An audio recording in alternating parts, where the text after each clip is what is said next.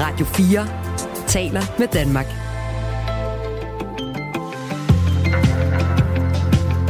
Velkommen til Radio 4 morgen. Medieforbruget falder, altså af de traditionelle medier, dagblade, aviser, radio, som for eksempel Radio 4 morgen. Tak fordi du stadig er her. Øhm, det skal vi se nærmere på om få øjeblikke. Og øh, når du har talt om øh, medier, Kasper, øh, så skal vi også tale om en ret stor ting, der sker i dag, fordi klokken 11, der offentliggør Klimarådet sin årlige statusrapport om, hvordan det går med den grønne indsats i Danmark. Og det har givet os øh, anledning til at ringe til Bjarke Møller, som er fra Rådet for Grøn Omstilling, og tage sådan en snak, inden den her rapport altså kommer klokken 11 om, hvordan går det egentlig, og hvordan går det med den nye regering og deres grønne profil. Det er om en 7-10 minutter, øh, vi skal øh, tale med Bjarke Møller. Danmarks forsvar er en sørgelig forfatning. Vi venter på de nye kampfly. Vi venter på patroner til geværerne. Der mangler stort set alt inden for materiel. Men det, der mangler allermest, er mennesker. Altså mandskab. Og det bør overskygge alt i det forsvarsforlig og de forhandlinger, der går i gang øh, snart, mener Peter Viggo Jacobsen, som er en af Danmarks fremmeste kommentatorer på det her felt, der handler om forsvaret. Og Kasper, tør vi ikke også godt love, at vi tager et kig på Mette Frederiksens øh, Facebook-side? Det tør vi helt sikkert. Øh, vi skal også se nærmere i øvrigt på debatten om atomkraft. Nej tak, solen, som øh, munder ud i en sag i en byret. Øh, Pernille Vermund skal øh, stå til regnskab for, at hun har flashet et øh, hjemmelavet skilt, hvor der stod atomkraft, nej tak. Og når jeg snakker om Mette Frederiksens øh, Facebook-side, så er det fordi, hun har lagt et billede op, hvor hun har fået en ny sweater. Og, og, og, og skal vi ikke bare sige, at den er blevet strikket af en politisk kollega, så må I lige hænge på. Vi snakker om den 7-8 minutter. Det er ikke, det er ikke Morten Messersmith, der har øh, strikket Mette Frederiksens sweater. Du har lyttet til en teaser på Radio 4 morgen. Klokken er 7 minutter over 7. Tak fordi du har tændt for det her radioprogram. Befolket af Michael Robakker og Kasper Harbo. Det her er Radio 4 morgen. Danskernes medieforbrug er dalet stødt gennem de sidste fem år. Det viser målinger fra Reuters Institute i den årlige Digital News Report. Antallet af mennesker her til land, der aktivt gør noget for ikke at åbne en avis eller kigge på deres nyhedsapp, udgør nu hver femte af os. Det store øh, dyr i åbenbaringen er jo sådan den der diskussion om demokratiet. Om det her er en bombe under øh, sådan sammenhængskraften i vores samfund. Det er det ikke, mener Nana Holst, der er fellow ved Constructive Institute ved Aarhus Universitet, der beskæftiger sig med konstruktiv journalistik. Godmorgen. Godmorgen, Kasper. Konstruktiv journalistik er et felt, der forsøger at fortælle nyheder mere nuanceret og inddrage øh, brugerne og pege på løsninger. Der, nu er der nogen, der siger, at det er et demokratisk problem, at folk bruger mindre avis og traditionelle medier. Hvorfor mener du, at det er et sundhedstegn at holde sig for nyhederne? Altså, jeg vil ikke, altså jeg vil jo ønske, som når jeg selv er et nyhedsmenneske, at folk elskede nyheder og det med lige så glad, som jeg gjorde. Men når jeg siger, at det kan være et sundt tegn, at folk flytter sig væk fra nyheder, der gør dem i dårligt humør, der overvælder dem, og der bidrager til, at de får et dårligere liv, så har jeg svært ved at sige, jamen, så synes jeg sørme, at I skal tage nogle flere nyheder. Øh, for det vil jo bare gøre folk endnu dårligere. Så, så min pointe er ikke, at folk ikke skal øh, være en del af nyhedsbilledet. Det er mere, at vi må jo lave nogle nyheder, som ikke deprimerer folk, og som ikke overvælder folk. Det er min pointe. Så der er ikke noget galt med, med dem, der undgår nyhederne. Der må være noget galt med nyhederne. Hvor ved du fra, at folk bliver syge? Når, man, øh, når, når for eksempel Reuters Institute undersøger det her, og RUK gør det samme, Roskilde Universitet for her i Danmark, så spørger man også, hvad er det, der gør, at du vender dig for nyhederne? Hvad er det, der gør, at du går dig umage med for ikke at få nogle nyheder? Og så siger de simpelthen øh, forskellige ting. Og det allerstørste, det er, at, øh, at det simpelthen øh, gør dem i dårligt humør. Øh, og, og nogen siger endda, at det trigger min angst. Og det er jo en meget stor ting, tænker jeg, på grund af nyheder. Vi øh, har en kollega, der hedder Morten Nørbo, der gik øh, en tur med et øh, lille optageaggregat for at tale med mennesker, der ikke følger med i nyhederne. Og han øh, fik fat i et par stykker, der siger, at det er især negative og unuancerede nyheder, der får folk til at lukke ned for strømmen, altså de traditionelle nyhedsmedier. Synes du, nyhedsbilledet er for negativt? Ja, det synes jeg. Meget, faktisk. jeg kan godt sådan lade være med at se nyhederne eller sådan noget, fordi jeg synes, at man kan godt blive i dårlig humør. Jeg synes, det er sjældent, at der er nogle, nogle gode nyheder. Vil du øh, læse flere nyheder, hvis du selv havde indflydelse på, hvilke nyheder, der blev sendt? Hmm, måske. Ja, det kunne godt være. Hvad ville kunne få dig til at læse flere nyheder?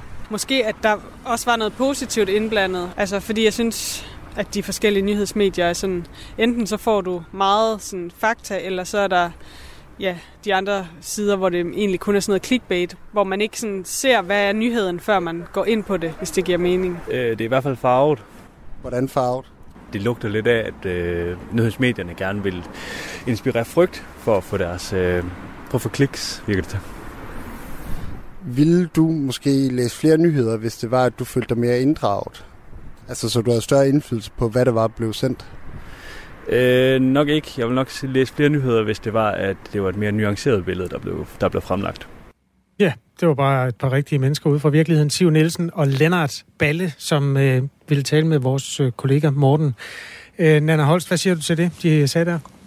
Jamen, de er jo så kloge. Altså, det er jo, det er jo fuldstændig rigtigt, hvad de siger. Og det er, det kan man også se af undersøgelser, at der, der er en meget stor følelse af, at det er jo ikke forkert, at vi hælder den ene dårlige nyhed i hovedet på dem efter den anden.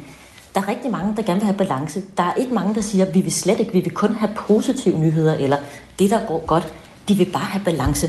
Så når vi har noget, for vi har jo masser af vigtige problemer og udfordringer, vi skal løse, men så efterspørger de også det, som blandt andet den konstruktive øh, journalistik står for, at hvorfor stopper vi der med bare at sige, hvad der er galt? Og så står folk der og aner ikke, hvad de skal bruge den oplysning til, og føler sig magtesløse. Vi kunne jo også som journalister, og det er der også mange, der gør, gå videre og se på, er der nogen, der har fundet en løsning på det her?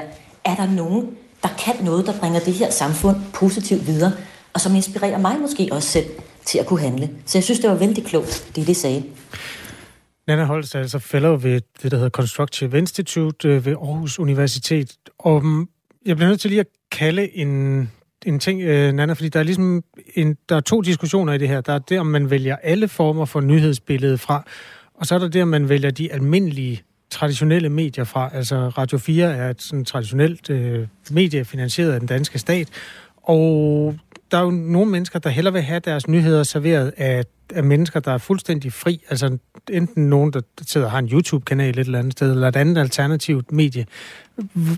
Ved du, hvordan det er opgjort her? Altså, er det alle typer af nyhedsformidling, vi snakker om, når vi siger, at folk vælger dem fra? Nej, øh, det er, så vidt jeg forstår, når man kigger ned i det, og det er også det, jeg selv taler om, det er de traditionelle nyhedsmedier. Øhm, fordi der er masser af steder, man kan få nyheder fra, øh, og, og som ikke er de her publicistiske medier.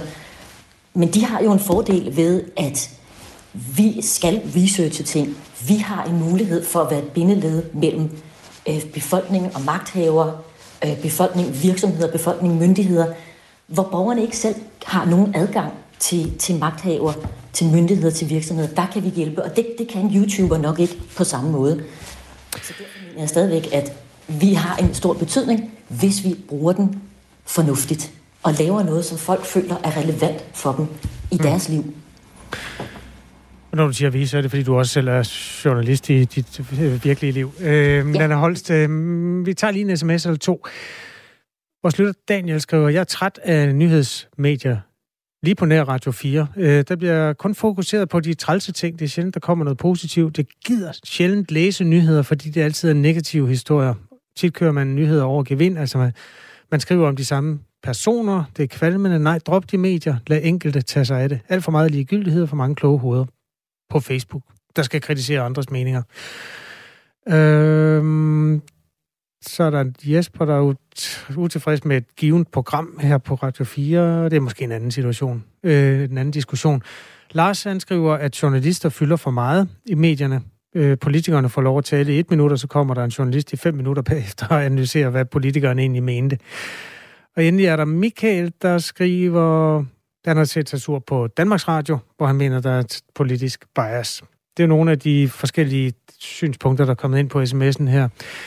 Nana Holst, øh, meget af det her retter sig mod formidlerne, altså de journalister, der, der sidder og og, og fylder i programmerne. Det bliver meget meta, det her, men tror du, tror du egentlig ikke, at det er rigtigt nok, at de mennesker her, de, de kan have en pointe i, at øh, journalister fylder mere, end de gjorde i gamle dage? Altså, i gamle dage var det sådan mere neutralt fag, øh, både som tv-vært eller journalist i en artikel. Jo, det kan sagtens være, at øh, journalisterne også skygger der. Men der, hvor jeg synes måske, det er endnu mere bekymrende, det er, at journalisterne også selv finder på alt det, som befolkningen øh, skal interessere sig for.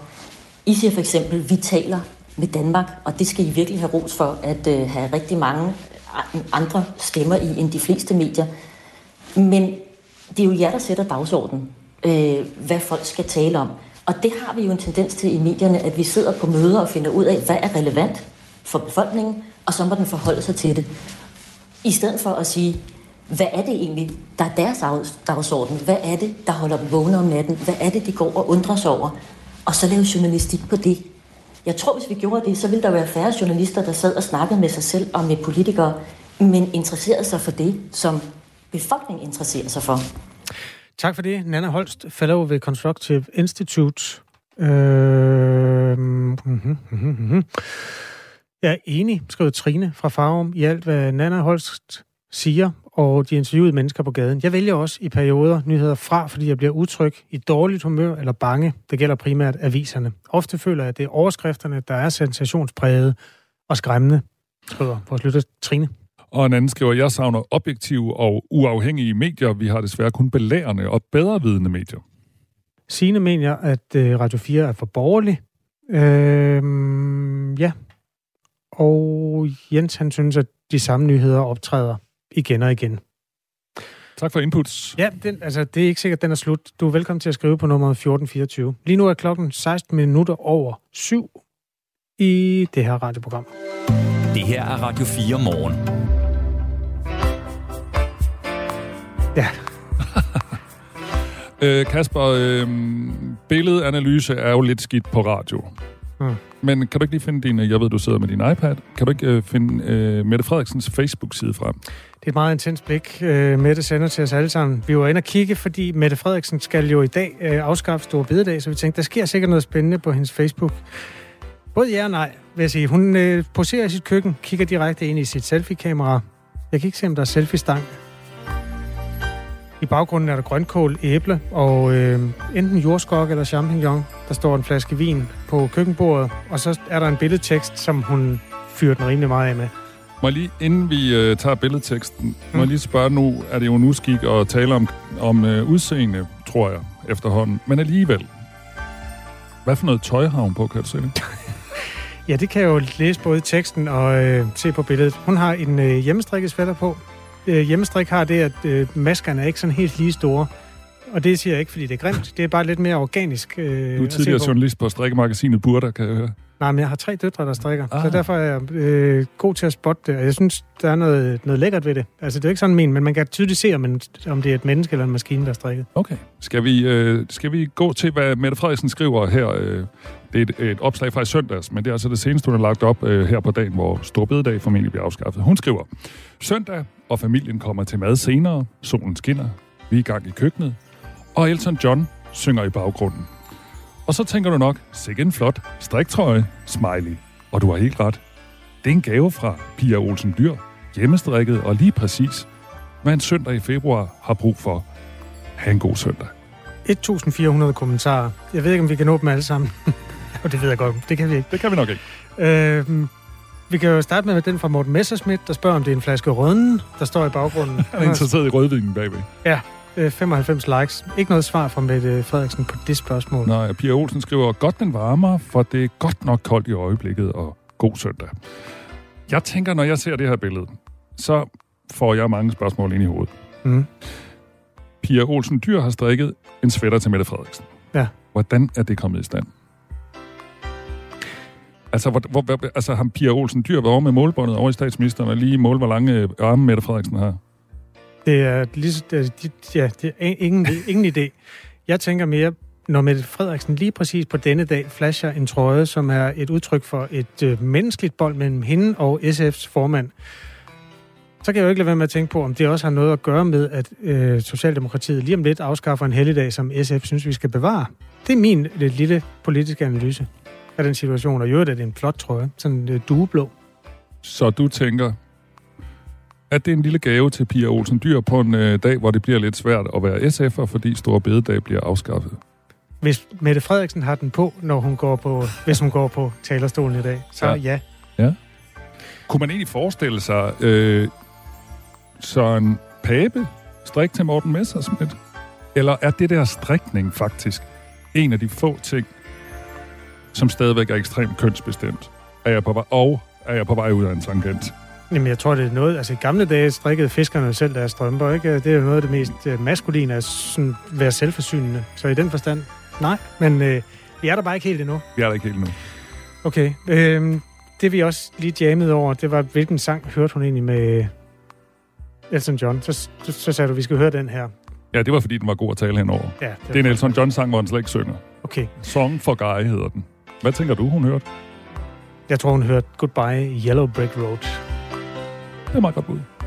Klokken er 7.21. Hvis du ikke har fået nok med Frederiksen nu, så kan du gå en tur ind på hendes øh, Facebook og skrive en kommentar. Der er 1.400 allerede. Klokken er 7.21. Det her er Radio 4 morgen. Og der sker altså ikke kun spændende ting nede i Folketingssalen i dag kl. 13, når man øh, øh, stemmer om øh, afskaffelsen af Stor Bededag. Der sker øh, noget kl. 11, fordi der offentliggør Klimarådet sin årlige statusrapport, som er deres vurdering af Danmarks grønne indsats. Og Klimarådet er et uafhængigt ekspertråd, der rådgiver regeringen om, hvordan omstillingen til et klimaneutralt samfund kan ske. Men netop regeringens, altså den nye regerings indsats på klimaområdet møder kritik fra flere organisationer, der mener, at det går alt, alt for langsomt. Blandt andet øh, Råd for Grøn Omstilling, hvor Bjarke Møller er direktør. Godmorgen. Godmorgen. Vi hører tit det her med, at Danmark har den grønne føretrøje på, men på Twitter blandt andet, der skriver du, at vi er ved at miste den. Hvad mener du med det? Jamen, vi vil miste den, fordi det går alt for langsomt med den grønne omstilling. Altså, vi når hverken de mål, vi har sat for 2025 og 2030, sætter ud til. Det så vi i Energistyrelsens fremskrivning sidste år. Vi kan ikke finde ud af at stille havvindmølleparker op. Man kapper tråden over for mange ting. Man venter på at lave spareplaner. Altså, vi spilder tiden på at tale om Stor Bededag, som har en meget lille økonomisk effekt øh, og generer rigtig mange danskere, i stedet for at tage fat på at omstille hele vores energisektor til vedvarende energi. Hvad, hvad er det, der er skyld i, at øh, regeringen med dine ord nøler? Har du et bud på det? Og jeg havde store forhåbninger. Vi fik en flertalsregering. De lovede handlekraft, de lovede implementering, de lovede klimahandling. Øh, de satte mål om, at vi skulle være CO2-neutrale i 2045. Og, og det var rigtig fint. Øh, Men nu er der gået øh, over 75 dage, og der er stadig ikke sket noget, og der kommer hele tiden dårlige undskyldninger. Man har stoppet den her store, såkaldte åben dør-ordning øh, for havvind, øh, der kan give op til 23 gigawatts øh, havvind, øh, måske omkring 2030. Øh, Det vil være næsten en nidobling af alt det, vi har i dag. Og det har vi brug for, fordi i dag har vi 10 procent af vores energiforsyning, det er sol og vind, resten er fossile brændsler og biomasse. Og det er bare ikke holdbart, det er skadeligt for klimaet, øh, og vi ved, at, at øh, klimaforandringerne de accelererer de her år. Temperaturerne er rekordhøje, vi kommer ud af den værste tørkeperiode 500 år øh, i sidste, sidste år, øh, og det er dramatisk. øh, Og der mangler vi lidt, lidt handlekraft, som man også så under coronapandemien. Der handlede regeringen hurtigt, man nedsatte en operativ kommando, der skulle sikre, at der skete noget. Øh, Og det lovede regeringen også, da- da de øh, lavede deres regeringsgrundlag i december. Men den har stadig ikke nedsat den her øh, Next Komité og operativ kommando, øh, og og de venter jo flere måneder.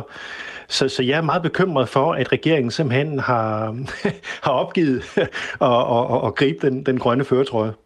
Nu ved jeg godt, at jeg lyder som repræsentant for regeringen, men det er jo mit arbejde. Altså 75 dage, de skal jo altså også lige finde ud af, øh, hvad hedder det, hvad de skal, og de skal læse sig ind i papirerne, og de skal have øh, fundet den rigtige stol at sidde på osv. Er du ikke lidt utålmodig?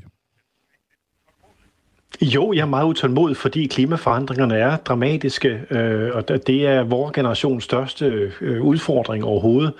Øh, og da vi fik øh, coronapandemien, og der var millioner af, af menneskers liv, som, som var truet i hele verden, jamen der handlede man hurtigt med det Frederiksen og de andre partier satte sig sammen og fandt en løsning.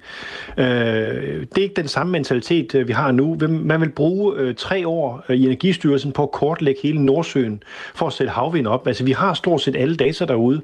Man spilder tiden. Øh, I Tyskland laver de en national sparekampagne og en plan for det, hvordan man kan få det sikret, at, at folk sparer på energien. I Danmark, der siger vi, at vi venter på, at EU har lavet trepartsforhandlinger om det. Altså, det er bare ikke godt nok, øh, og, og det, jeg forventer, at, at man har samme alvor i forhold til klimakrisen, som man havde i forhold til coronapandemien, og der synes jeg ikke, vi er endnu. Så du synes med andre ord simpelthen, at øh, situationens alvor er ikke gået op for den nye regering? Altså, at det her med klimaet er presserende, og vi kan ikke sidde og vente på EU, for eksempel? Ja, også fordi, at det er jo en sikkerhedskrise. Altså, når, vi skal jo lige huske på, at, at vi er jo stadig ekstremt afhængige af fossile brændsler, og vi har været afhængige af, af Putins øh, gas og fossil energi øh, og, og autoritære regimer, som ikke bryder om. Der importerer vi store mængder olie og gas fra. Og, og, og det er en, et, et stort problem. Det er samtidig også et problem for klimaet, fordi over halvdelen af vores udledninger af CO2 kommer fra vores energiforbrug. Så man kunne faktisk slå to fluer med et smæk, eller næsten tre. Man kunne løse et sikkerhedsproblem, altså svække Putin. Vi kunne få billig energi. Det er faktisk den billigste energikilde i dag, sol og vind øh, på markedsvilkår. Øh, og man kunne skalere det hurtigt op og løse klimakrisen. Altså det, det, det er sådan en win-win-win. Og hvorfor griber man ikke øh, ud, øh, rækker ikke ud efter den, den mulighed, der ligger her?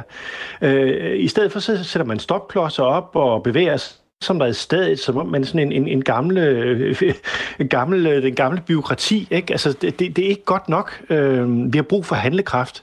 Øh, klima, klimaforandringerne er ved at løbe ud af hænderne på os, øh, og, og vi kommer sikkert i mål, hvis selv en flertalsregering ikke kan handle hurtigere. Men nu har du nævnt et par gange, at man faktisk, eller at øh, i hvert fald øh, Socialdemokratiet øh, øh, kunne vise handlekraft under corona. Men altså, der vil også være nogen, der vil sige, der gik det måske lige vel hurtigt et par gange. at regeringen ikke bare i gang med at sikre sig, at der er styr på tingene, inden de ligesom laver en masse ny lovgivning eller andre tiltag? Jamen altså, vi, øh, vi havde jo et bredt flertal, der var bag, øh, så alle de ting, der skete under, altså de fleste af de ting, der skete i de første uger af coronapandemien, og der handlede man hurtigt, man fik vacciner ud, og i EU, der rykkede man også sammen og fik på 10 måneder skaffet altså over 10 millioner vacciner.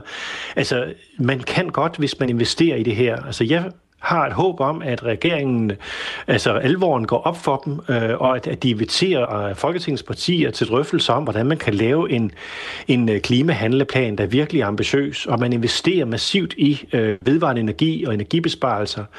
Øh, det er der mulighed for. Man kunne øh, bruge den, øh, den finanslov, man nu skal komme med til at investere massivt i klimaomstillingen, og samtidig kan man også få større sikkerhed i fremtiden, øh, og, og det kan styrke Danmarks økonomi. Øh, og, og ja, det er mit håb stadigvæk, Øh, jeg har et spinkelt håb om, at man stadig kan nå det, men, men øh, jeg bliver altså godt nok utålmodig. Nu er der gået 75 dage, og, og, og vi får stadigvæk masser af dårlige undskyldninger. Tak fordi du var med her, Bjarke Møller, direktør i Rådet for Grøn Omstilling. Det er godt. Tak skal du have. Velkommen. Det her er Radio 4 morgen. Rusland er jo ikke gået rabundus. Øhm, det er dagens ikke-nyhed, og det har jo været en nyhed i et år, siden restriktionsskruen blev øh, strammet over for Rusland, altså oven på invasionen i Ukraine, der skete for et år siden i fredags. En amerikansk professor har analyseret situationen og skrevet et længere indlæg, som øh, videnskab.dk har oversat og bragt. Jeg synes faktisk, det er meget spændende. Mm. Den helt store overskrift er jo selvfølgelig olie. Det er grunden til, at øh, Rusland ikke er rabundus. Okay. Det første, og det er virkelig der, der er fem gode grunde. Øh, det handler også om øh, en økonomi, der i forvejen var stærk, og nogle oligarker, der bakker styret op. Men det mest interessante er måske i virkeligheden, at øh, det kan godt være, at Rusland mistede en masse olie- og gaskunder det første år, men priserne steg jo helt vanvittigt. Så faktisk var olieprofitten større end nogensinde før. Øh, 168 milliarder dollars, det er det højeste niveau i 13 år, så vidt jeg kan se. Så man kan sige, at markedskræfterne udhulede sanktioner og den slags? Ja, i hvert fald det første år. Rusland sluttede med et betalingsbalanceoverskud på 227 milliarder dollars. Jeg ved ikke, hvor mange storebæltsbroer det er. 8-9 stykker eller sådan noget. Nej, det er 80. Det, det er virkelig mange penge, ikke? Jo. Øh, det, her, det er så det første år. Det er måske det, der set med den sådan helt traditionelle NATO-vestlige optik er den gode nyhed i det. Det sker ikke igen, for markedet og priserne har jo stabiliseret sig. I EU har man også indført et prisloft på 60 dollar per tønde russisk råolie, hvilket betyder, at øh, de kommer ikke til at tjene lige så meget i år, som de gjorde sidste år. Øh, det han skriver, jeg synes selv, man skal gå ind og læse den faktisk, hvis man er på internettet på et tidspunkt. Videnskab.dk, det er en fremragende øh, portal, hvor man får forskning formidlet af de kloge hoveder. Øh, det, som er den korte konklusion her, er, at sanktionerne ikke har svækket Putins greb om magten, og heller ikke hans beslutning om eller kapacitet til fortsat at føre krig mod Ukraine. Det er jo en dårlig nyhed, men det er dog en regulær nyhed øh, med en vis sandhedsværdi. Og nu skal vi have lidt flere nyheder, fordi klokken er blevet halv otte. Værsgo til Asbjørn Møller. Nu er der nyheder på Radio 4. Store bededag bør bevares som helligdag, det mener 7 ud af 10 i en ny meningsmåling, som Opinion har lavet for DR. 70 procent af de adspurgte svarer nej til, at Store Bededag bør afskaffes for at finansiere forsvaret og andre offentlige udgifter. 19 procent siger ja til at afskaffe helligdagen, mens 11 procent svarer ved ikke. Alligevel tyder alt på, at helligdagen afskaffes i dag, hvor Folketinget tredje behandler og stemmer om regeringens lovforslag. SVM, SVM-regeringen, som har flertal alene, har igen og igen stået fast på, at helligdagen bliver afskaffet for at finde penge til blandt andet forsvaret. Hos virksomheden Ankiro skal medarbejderne ikke arbejde på Stor Bededag, selv hvis det bliver stemt igennem. Det fortæller direktør og ejer Bo Vincents. Det har jeg flere grunde til. Det ene er, at øh, vi de sidste mange år har arbejdet for at reducere arbejdstiden fordi det giver mindre stress, det giver bedre balance i familierne, og det giver mere tilfredse mennesker. Så, så kommer regeringen lige pludselig og fortæller mig, at, øh, at øh, mine medarbejdere skal arbejde mere. Det bestemmer jeg, og ikke regeringen. Seks danske universiteter og fire myndigheder har angiveligt været angrebet af hackergruppen Anonymous Sudan. Det skrev gruppen i går aftes på det sociale medie Telegram, hvor de også har taget ansvaret for et tidligere hackerangreb mod Københavns Lufthavn og også søndagens nedbrud på hjemmesider i Region Hovedstaden. Angrebene på de seks universiteter og fire myndigheder skulle være udført torsdag og søndag i sidste uge, og Energistyrelsen og Danmarks Tekniske Universitet DTU, Københavns Universitet og Aalborg Universitet har bekræftet, at de har været udsat for hackerangreb, oplyser de til TV2 Kosmopol. På DTU var to server, server hedder det, nede i henholdsvis 1 og 3 minutter mellem kl. 7.39 og 7.44 torsdag morgen, hvilket betød, at enkelte brugere kan have fået en fejlmelding på hjemmesiden. I, Energi, I Energistyrelsen betød angrebet, at hjemmesiden var nede i omkring en time søndag, og på universiteterne drejede det sig om minutter. Den britiske regering og premierminister Rishi Sunak får ikke problemer med oppositionspartiet Labour, når den nye aftale om Nordirland, som Storbritannien og EU har indgået, skal til afstemning i det britiske parlament. Det forsikrede Labours politiske leder Keir Starmer under en tale i det britiske parlament i går aftes, det skriver nyhedsbyrået Reuters. Vi kommer ikke til at sniløbe, vi vil ikke forsøge at spille nogen politiske spil, og når premierministeren sender denne aftale til afstemning, vil Labour stemme for den, sagde Starmer ifølge Reuters. Nordirland-protokollen blev oprindeligt vedtaget som et led i Brexit-forhandlingerne omkring Storbritanniens udtræden af EU. Men både i Storbritannien og Nordirland var der utilfredshed med protokollen, som blandt andet betød, at Nordirland forblev en del af EU's indre marked og tolvunion, selvom landet som en del af Storbritannien havde forladt EU. De særlige forhold omkring det nordirske marked skyldes, at hverken EU eller britterne i forbindelse med Brexit ønskede at oprette en hård grænse på den irske ø mellem de tidligere stridsparter Nordirland og Republikken Irland.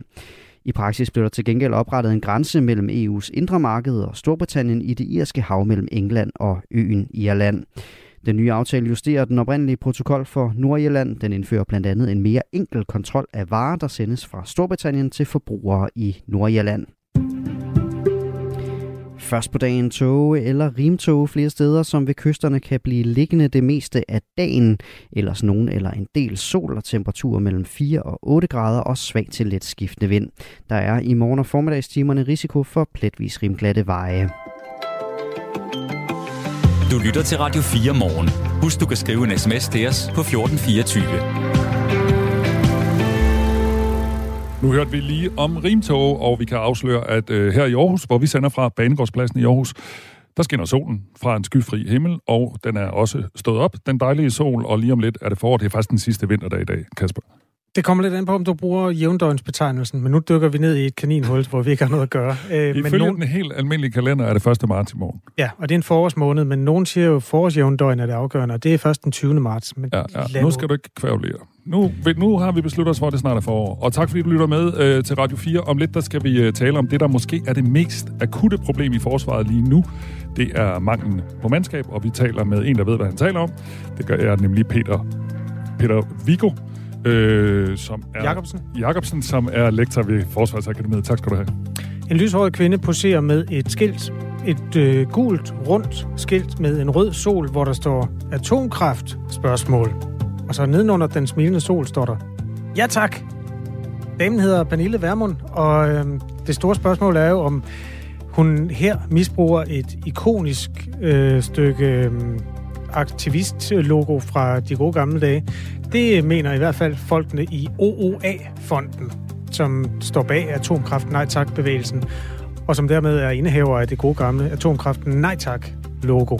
Den her, den havner i byretten, og det kan du glæde dig til at høre mere om om cirka 12 minutter.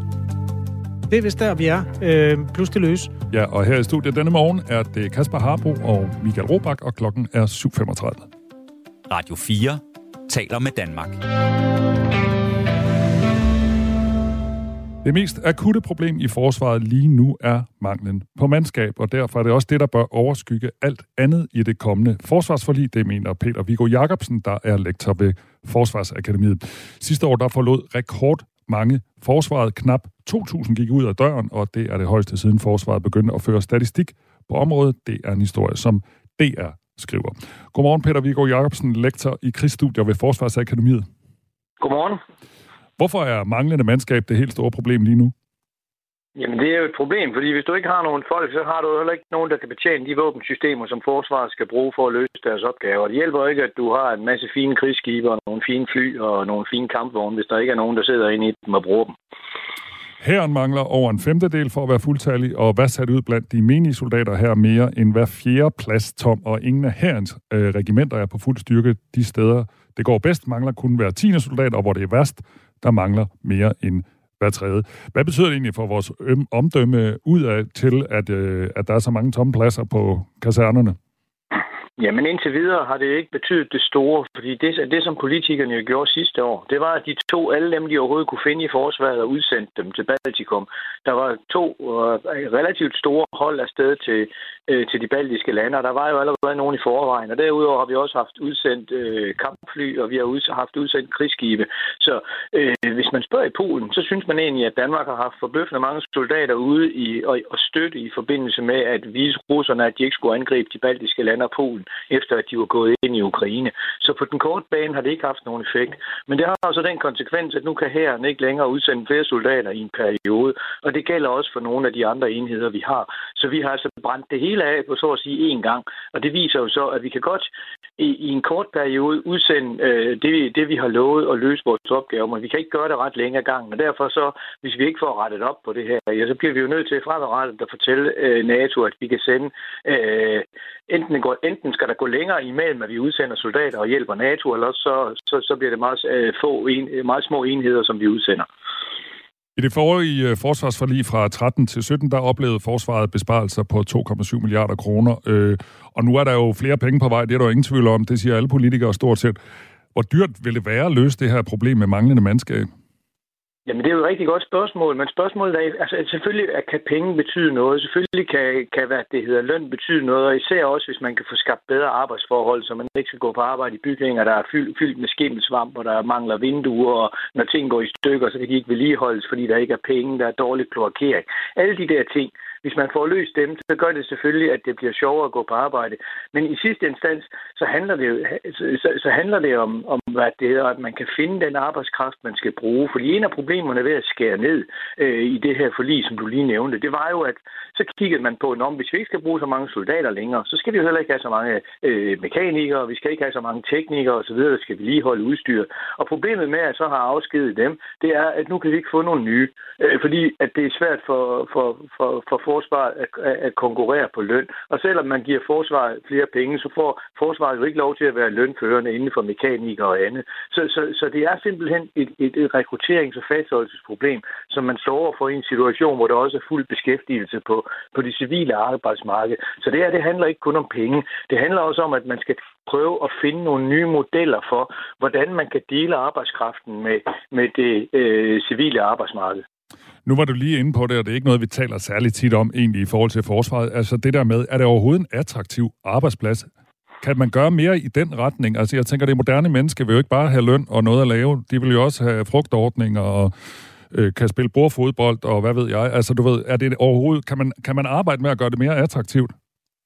Jamen altså, altså, jeg tror sådan set, at arbejdet i sig selv er attraktivt, men de vilkår, under hvilke de skulle udfylde, de er simpelthen blevet dårligere og dårligere. Også fordi, når du begynder at mangle personel, så kommer du jo ind i en ond cirkel. Hvis, hvis der ikke længere er, er, er nok til at løse opgaven, så skal du jo trække øh, hårdere og hårdere veksler på de samme soldater. Og det er jo også det, vi har hørt fra nogle af, øh, af dem, der var ude at tale i medierne i går fra flåden, der jo siger, at de jo nærmest er ude at sejle hele tiden, og nogle gange går der tre dage, og så bliver de varslet og skal afsted igen. Og nogle gange bliver det med kort varsel, fordi at, at, at, at der pludselig er nogen, der bliver syge eller falder fra. Og det, det, det er i høj grad det, der, der, der, også bliver, der også bliver problemet. For hvis du taler med den enkelte soldat, så, så er den pågældende typisk glad for arbejdet. Øh, men, men, men det er bare, øh, altså, det bliver i stigende grad utilfredsstillende, at man ikke kan løse opgaven ordentligt, og også at man, man, man skal løbe hurtigere hele tiden, fordi der mangler personale. På den måde, så er det jo meget parallelt til den situation, vi også kender for sygeplejerskens situation på hospitalerne. Jeg taler med Peter Viggo Jacobsen, der er lektor i krigsstudier ved Forsvarsakademiet. Øh, Peter Viggo, du har fået en sms fra en, der kalder sig morfar. Han skriver, Unge i 2023 gider ikke at blive nedgjort og brølet ind i hovedet af en underfrankeret sergeant. Det er et gigantisk generationsproblem. Kan der være en pointe i det?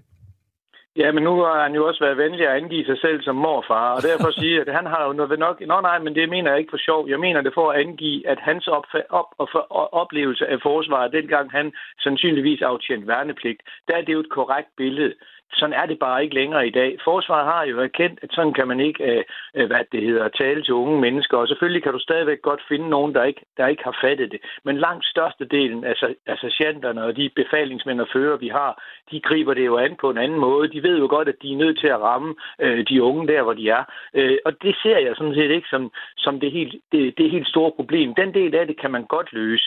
Øh, men det er mere rammebetingelserne, der i dag er vanskelige. Og derfor tror jeg altså, at man er nødt til at begynde at nytænke, hvordan man kan, kan dele arbejdskraft, som jeg sagde før. Der handler det om, at når man har været, fået en militær uddannelse, så, så kunne man jo godt, hvis man havde nogle funktioner, der, der, der, der også kan bruges i forsvaret, en gang imellem give forsvaret nogle trækningsrettigheder på det civile arbejdsmarked, således at man i spidsbelastningsperioder eller særlige situationer, som for eksempel hvis der kommer et angreb som sidste år, kan trække folk ind i en afgrænset periode, og så lade dem gå tilbage til deres civile stilling igen. Fordi når der er så lidt arbejdskraft, så bliver man nødt til at øh, udnytte den på den mest optimale måde. Kan man egentlig ikke bare indkalde nogle flere værnepligtige, og nu snakker vi også om, og der er flertal for øh, kvindelige værnepligtige, så der bliver sådan en større øh, sø at fiske i, og så er der måske er flere, der bliver hængende for at gøre karriere. Altså kan vi ikke udvide antallet af værnepligtige? Jo, og det tror jeg, det, det, det, det, det, det tyder det jo også på, at det er, der, det er der bredt politisk flertal for at gøre. Så, så jeg tror, der kommer en større værnepligt. Og Forsvarets øh, værn har også bedt om at få flere værnepligtige ind, øh, og de skal også ind i længere tid sandsynligvis. Men det ændrer ikke ved, at vi også er nødt til at overveje, hvad er det så, vi skal bruge de værnepligtige til, mens de er inde. Og der er der i hvert fald et ønske for Forsvaret om, at de skal gøre mere gavntjeneste. Altså således, at de også kan være med til at løse nogle opgaver, mens de er inde i Forsvaret, og på den måde aflaste det faste personel. Men jeg tror også, du har en meget vigtig pointe i, at hvis man får flere igennem maskinen, og der er flere, der får lov at stifte bekendtskab øh, med forsvaret, så er der også flere, der bliver hængende bagefter. Det vi så i gamle dage, det var jo, at op mod øh, 30-35 procent af vores officerer, der valgte at blive professionelle soldater, de havde været det, man kaldte teknisk frivillige. Altså, de havde trukket et nummer, som gjorde, at de var nødt til at komme ind og aftjene værnepligt, selvom de egentlig ikke havde lyst. Så meldte de sig frivilligt, fordi så kunne de få indflydelse på, hvor de skulle gøre tjeneste. Og det viser altså, at dengang, der kunne man i hvert fald gøre en tredjedel interesseret i at blive i forsvaret, selvom de udgangspunktet slet ikke ville have haft noget med forsvaret at gøre. Tak for dit øh, perspektiv på den her sag, Peter Viggo Jacobsen. Det var så lidt. I må have en fortsat god dag. Ja, lige måde, og vi har forsøgt at få en kommentar fra fungerende forsvarsminister Troels Lund Poulsen, men det var ikke muligt. Du lytter til Radio 4 morgen. På en dag, hvor vi om et øjeblik skal se nærmere på en byretssag, der er under opsejling. Det Øh, gamle og meget ikoniske atomkraft nej tak logo er blevet til et atomkraft ja tak logo i hænderne på den tidligere formand for Nye Borgerlige, Pernille Vermund. Det ser vi nærmere på om tre minutter. Øh, vores kollega Benjamin Munk er også på øh, sporet af nogle historier, vi måske kommer til at høre noget til. Ja, det håber jeg i hvert fald. Øh, vi har jo snakket en del om det her øh, sociale medie, det kinesiske sociale medie TikTok, øh, også her på Radio 4. Øh, et ekstremt populært socialt medie blandt altså millioner af mennesker verden over. Mm. Men det har også vagt en, en, en del debat. I sidste uge var Forsvarets efterretningstjeneste ude og fraråde al brug af TikTok på tjenestlige enheder, som det hedder. Og det er altså fordi, at det her medie, øh, ifølge de her eksperter, øh, samler en hel masse følsomme data, øh, som kan ende i kinesisk, øh, kinesiske hænder. Så det er arbejdstelefonen, du ikke skal bruge? Ja, det er på arbejdstelefonen. Og det var også man... det, der fik øh, vandopslag til at droppe TikTok, ikke? Den, øh, jo, og flere politikere har droppet det, men der er altså lige nu sådan i ministerier og, og øh, administrationer rundt omkring i landet sådan lidt en uenighed om, øh, om det skal forbydes eller frarådes, og det er lidt forskelligt, hvad de gør. Øh, og det får flere eksperter til at sige, at det skal bare forbydes helt, så der ikke er nogen tvivl. Mm. Øh, blandt andet øh, Jørgen Guldberg fra Ingeniørforeningen IDA, han er IT-sikkerhedsekspert, han siger, få nu bare gjort det forbudt, så er der klare linjer, øh, ligesom det amerikanske ministerium har gjort. Øh, vi vil rigtig gerne høre, hvorfor det her sociale medier er så stort et problem, og hvad de her øh, data, hvad, hvad det kan betyde, hvis de her data ender i kinesiske hænder, og hvorfor det er så, ja, så at sige, farligt. Så det er en historie, jeg arbejder på på den anden side af ruden? Yes, det er det i hvert fald. Hvor mange folketingspolitikere har TikTok installeret på deres telefoner? Det tal har jeg ikke lige til dig, Harbo, men jeg vil meget gerne øh, prøve at, at finde ud af det. Det kunne være meget øh, sådan, altså, jamen selvfølgelig. Det jamen, er, det er et relevant spørgsmål, bestemt. Det er ikke sikkert, at vi får svar på det i dag, men det er i hvert fald en af de historier, vi løber efter. Hvis der er et eller andet andet, som du opdager i nyhedsstrømmen, som du har indtryk af, at vi ikke har set, så er du altid velkommen til også lige at, at sende en øh, uh, sms herind på nummer 1424. 7.46 er klokken. Du skal lytte til Overskud, fordi du bliver klogere på din egen økonomi. Vært Sofie Østergaard hjælper dig med at få mest muligt ud af dine penge. Jeg tror nærmest ikke, det har været vigtigere at gå op i sin økonomi, end det er lige nu. Derfor får du de bedste råd fra vidne gæster og eksperter i Overskud på Radio 4. Selv den mindste økonomi, der kan man altså finde en lille bitte smule at rykke rundt på. Lyt til Overskud i dag kl. 13.05. Mine tre bedste råd, det er gør det, gør noget og gør det nu. Radio 4 taler med Danmark. I dag tørner nye borgerlige og organisationen bag det ikoniske Atomkraft Nej Tak skilt sammen i Københavns byret. OOA-fonden, som den hedder, varetager varemærkerettighederne for Atomkraft Nej-logoet. Og i OOA-fonden mener de, at nye borgerliges tidligere formand, Pernille Vermund, har krænket ophavsrettigheden til billedet. De sidste par uger inden valgkampen lagde hun det manipulerede billede af atomkraft solen på sin LinkedIn. Vi har billedet her øh, hos os. Pernille Vermund øh, poserer med et... Ja, altså, det er jo samme skrifttype, det er sat med det der ja-tak, der står nedenunder den røde sol. Jeg tror, alle kender det gule, runde mærke med den røde sol i midten. Atomkraft, spørgsmålstegn, står der øverst. Ja tak, står der så under Pernille Vermunds, eller på det, lige præcis det, som Pernille Vermund, hun øh, poserer med. Det er en øh, interessant sag, som altså havner i øh, en form for retslig øh, opgør nu. Forretningsfører i OOA-fonden, Sigfrid Christiansen, er med os på telefon. Godmorgen. Ja, godmorgen. Hvorfor anlægger I sag mod nye borgerlige? Jamen, det, det gør vi jo, fordi man øh, misbruger øh, det brand, som øh, solmærket er, øh, til eget formål og til for egen vindings skyld, kan man sige. Ikke? Mm, nu kommer der så en diskussion om, det er hende, der har lavet skiltet, eller det er en anden, der har lavet skiltet. Øh, hvor vigtigt er det for jer, at det er øh, lige præcis Pernille Vermund, der står med det? Altså, det er sagen ved uvedkommende, øh, dem, der har lavet skiltet. Det, det, det, det, hovedsagen er, at det er Pernille Vermund, der benytter øh, det skilt for at fremme sine politiske synspunkter, som selvfølgelig har lov til at have.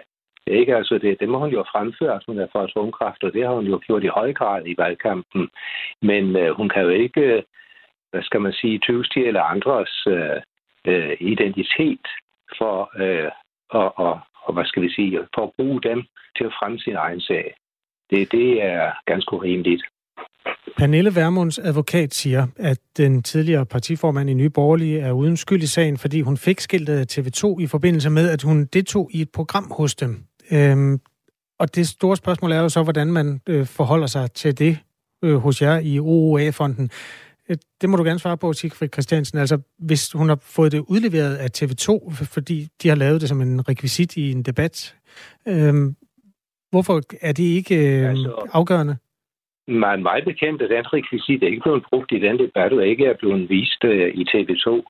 Øh, Pernille Vermund, hun har fået, eller hvordan det nu er gået til, det skal jeg da ikke kunne sige, men, men hun har jo øh, valgt at posere med det skilt øh, på sin LinkedIn-side i, i øh, næsten to uger op til valget, øh, og, og, og fortsat har gjort det efter valget. Og øh, i og med, at det er et fantastisk blikfang. Altså, det er jo ikke uden grund, at øh, det logo det er blevet så verdensberømt, øh, øh efter det kom frem i 1975. Og det, det er oversat til over 60 sprog, og det, det er jo et ganske væsentligt kampagnemærke for, for mange organisationer rundt omkring i verden. Det kan man jo ikke bare øh, tyve til at gøre til et blikfang for, for sit parti og for sig selv.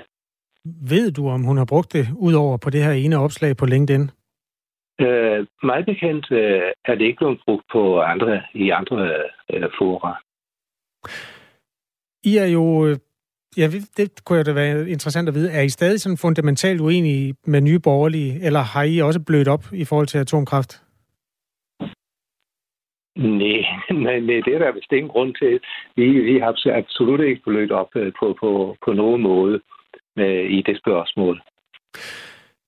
Når hun viser sig med et skilt, hvor der står atomkraft, ja tak, med jeres logo på. Øh, hvad, altså, styrker det ikke i virkeligheden øh, brandværdien af det gamle øh, logo der?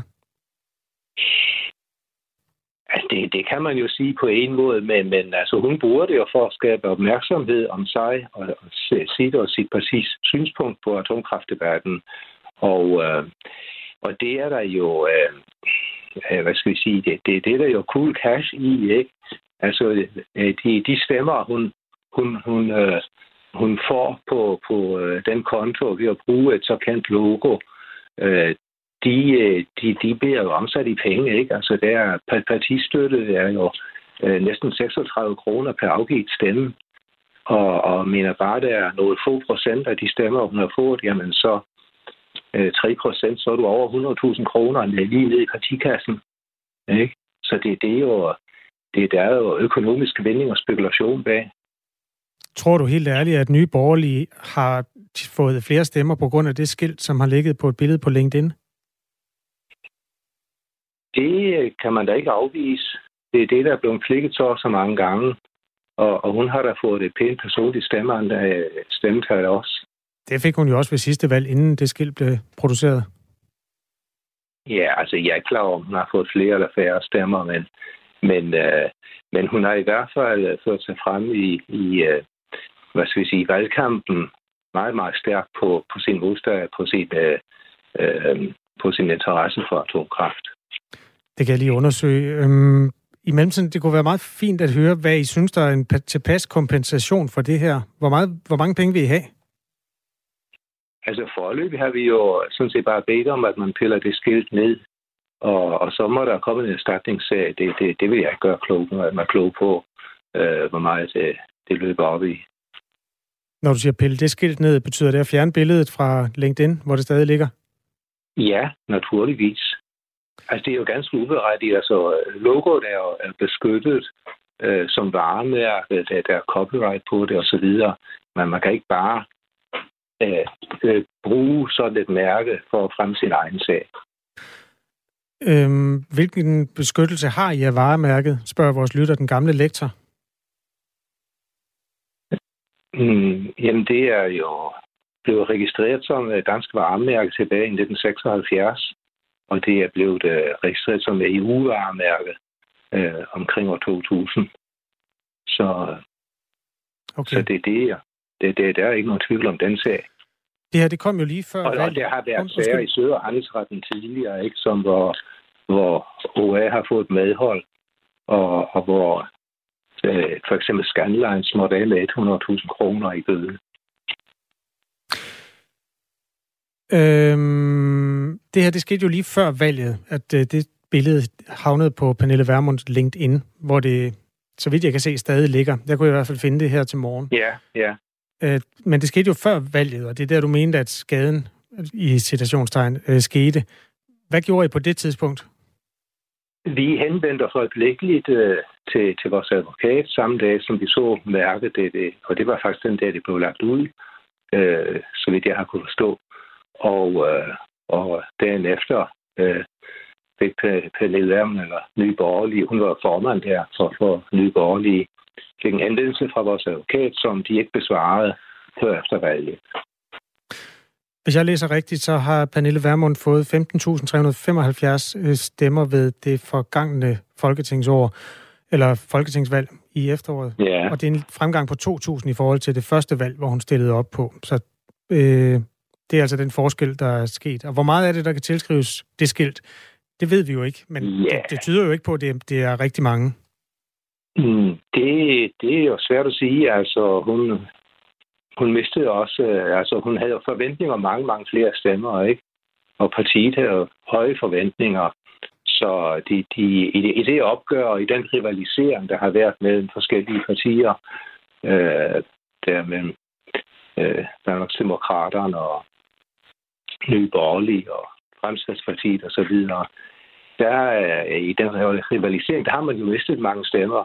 Og så har man måske hævet noget hjem på, på atomkraftdebatten det, det, det er jo svært at vurdere, ikke? Men, men, men, men bare de har hævet øh, 1.000, 2.000, 3.000 stemmer hjem, så er det 3.000 stemmer, det er over 100.000 kroner i partikassen. Retssagen begynder senere i dag i Københavns Byret. Øhm, en af vores lyttere, Sifrid Christiansen, spørger, hvad ville I have gjort, hvis hun havde poseret med atomkraft? Nej tak, skiltet. Ja, det ville vi nok ikke have sagt noget til, fordi øh, hvis hun reklamerer for vores sag, så er det da fint. Tak fordi du var med. Ja, værsgo. Sigfrid eh, Christiansen er forretningsfører i OOA-fonden, der altså varetager rettighederne, varemærkerettighederne for det meget kendte, ikoniske atomkraft Nej Tak logo. Altså en rettighed, som man føler sig krænket på af Pernille Vermund i forbindelse med valgkampen op til sidste folketingsvalg. Sifrid eh, Christiansen var altså forretningsfører på den del af den sag, lover vi at holde godt øje med. Øh, flot, skriver vores lytter Mia, at der bliver kæmpet for logoet Atomkraft Nej Tak. Jeg håber, I vinder og får flere badge i omløb. Alle kan reducere sit forbrug af energi. Hvis I vil, så kan I, skriver Mia. Øh, Michael er fra Kolding og spørger, om jeg er fra Nye Borgerlige. Altså om verden på programmet. om jeg er fra Nye Borgerlige. Øh, er, er du det? Jamen, jeg er simpelthen ikke medlem af noget som helst politisk parti, så det kan jeg sige, det er jeg ikke. Men du udøver vel den uh, journalistiske disciplin og stiller dig det andet sted i forhold til dem, vi interviewer?